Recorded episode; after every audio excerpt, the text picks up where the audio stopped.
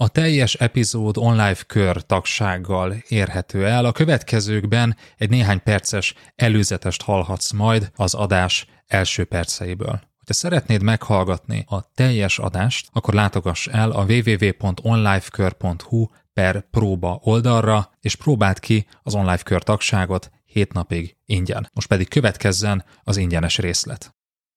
És hát a két állítás között, hogy ilyen vagy, és ilyet demonstrálsz, azt a viselkedést demonstráltad, hát az a rég és föld a különbség. Hát ordít a különbség. Nem bizonyítottad. Üdvözöllek, ez az Online Management Podcast, én Ungvári Péter vagyok, és a mai adásban egy olyan szófordulatról fogunk beszélgetni, ami sokat jelent majd, amikor szeretnél valakit visszautasítani egy interjú végén, vagy egy éves értékelésben, fél éves, negyedéves értékelésben szeretnél negatív jelzést hagyni, de nem tudod pontosan mit mondj. Nem akarod őt elítélni, nem akarod őt megbántani, és lehet, hogy úgy érzed, hogy egy kicsit kevés még az információ, de mégis valamit mondanod kell. Erre fogunk most egy nagyon hatásos szófordulatot behozni, ami segít neked ezekben a helyzetekben. Tarts velünk! Rosszul sikerült állásinterjú, egy kudarcos előléptetés, a próbaidő végén elküldött kolléga, vagy egy negatív teljesítményértékelés.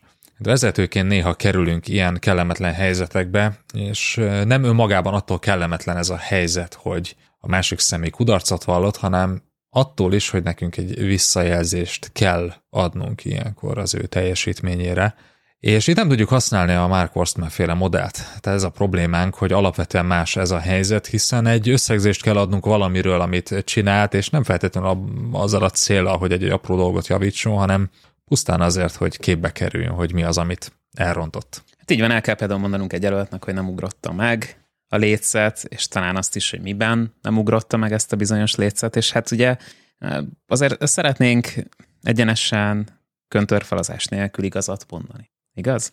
Na de hogyan tesszük ezt meg úgy, hogy közben azért ne, nem tudom, romboljuk le a másikat, ne gyaluljuk bele a, a földbe azt, akinek ezt a visszajelzést szó nem Horseman értelmében adott visszajelzést ö, megtesszük. Úgyhogy a mai adásban erről fogunk beszélni, ehhez a hát negatív értékelésnek a, a, pontos, szakszerű, indulatmentes adásával kapcsolatban fogunk beszélgetni, és ehhez egy elég könnyen, alkalmazható, használható és nagyon konkrét eszközt faragunk ki, úgyhogy kezdjük is el. Nézzük meg először a rossz megoldásokat. Nézzük meg azt, hogy, hogy milyen, milyen módon szoktak visszajelezni arra, hogyha például egy állásinterjú nem teljesítünk jól, nem felelünk meg a pozíciónak. Hát ugye egyrészt sehogy, ez a leggyakoribb probléma, de tegyük fel, hogy kapunk visszajelzést, és, és szeretnék ezt a lehető legjobban megfogalmazni, mert hogy alul teljesítettünk egy területet. Mondjuk az interjú nem feleltünk meg egy kritériumnak, vagy mondjuk a próbaidő során egy pár új kritikus hibára derül fény, és ezt szeretnénk felé kommunikálni. Nagyon nehezen fogalmazzuk meg ilyenkor a másiknak, hogy mi a gond. Igen, és nagyon esetlenül jönnek ki a szavak a szánkon, ami nagyon kellemetlen, mert egy nem egy nem szándékolt következményt érünk el vele az, hogy a másik elég rosszul érzi magát majd, amikor ezeket a mondatokat hallja, mint például, hát fél nem neked való ez a pozíció, olyan embert keresünk, akihez inkább illik ez a munkakör. Ja, nem neked való. Ezek nagyon jó jelzések. Nem illik. Nincs meg benned az az extra, az a plusz, amit keresünk ehhez. Az, az a, nem még benned az a tűz, ugye KKV-s körökben, akik nagyon olyan motivációs irodalomból tanultak meg interjúztatni és hasonlók, szeretik ezt elmondani. Nincs meg benned az a tűz, az a motiváció, az X a tulajdonosi szemlélet. Az X-faktor, a fűszer. Amit keresünk. Így van. Vagy nem hiszem, hogy neked való lenne ez a szakma, vagy nem látom benned azt a tudást, ami ehhez az a valamihez kell, vagy hát a kedvencem, ugye, amit azért pályakezdőknek még többször el szoktak mondani, hogy figyelj, szerintem ez még túl korai neked. És átmegyünk ilyen karrier tanácsadóba. Elkezdünk belelátni dolgokat a másik ember életébe, képességeibe, személyiségébe személyiségébe, és az a baj, hogy semmilyen alapunk nincs arra, hogy ilyen állításokat tegyünk. Nincs alapunk arra, hogy egy interjú alapján, egy próbaidő alapján, egy ilyen minimális mintavétel alapján mi azt mondjuk, hogy valakiben nincs ott valami.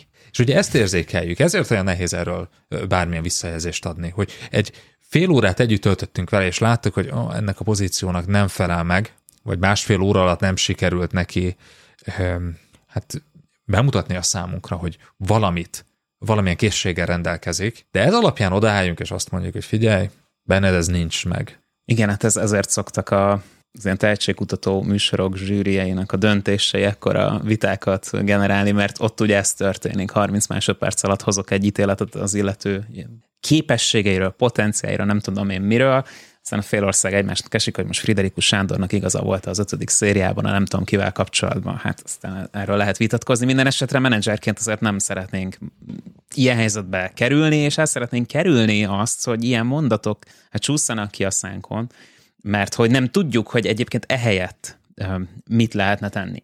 Eddig tartott a podcast ingyenesen elérhető része. Hogyha szeretnéd meghallgatni a folytatást és a további több száz vezetői tananyagot a hozzájuk tartozó írásos jegyzetekkel és videókkal együtt, akkor látogass el a www.onlifekör.hu per próba oldalra, ahol az első hét napban ingyenesen teheted meg mindezt. www.onlifekör.hu per próba.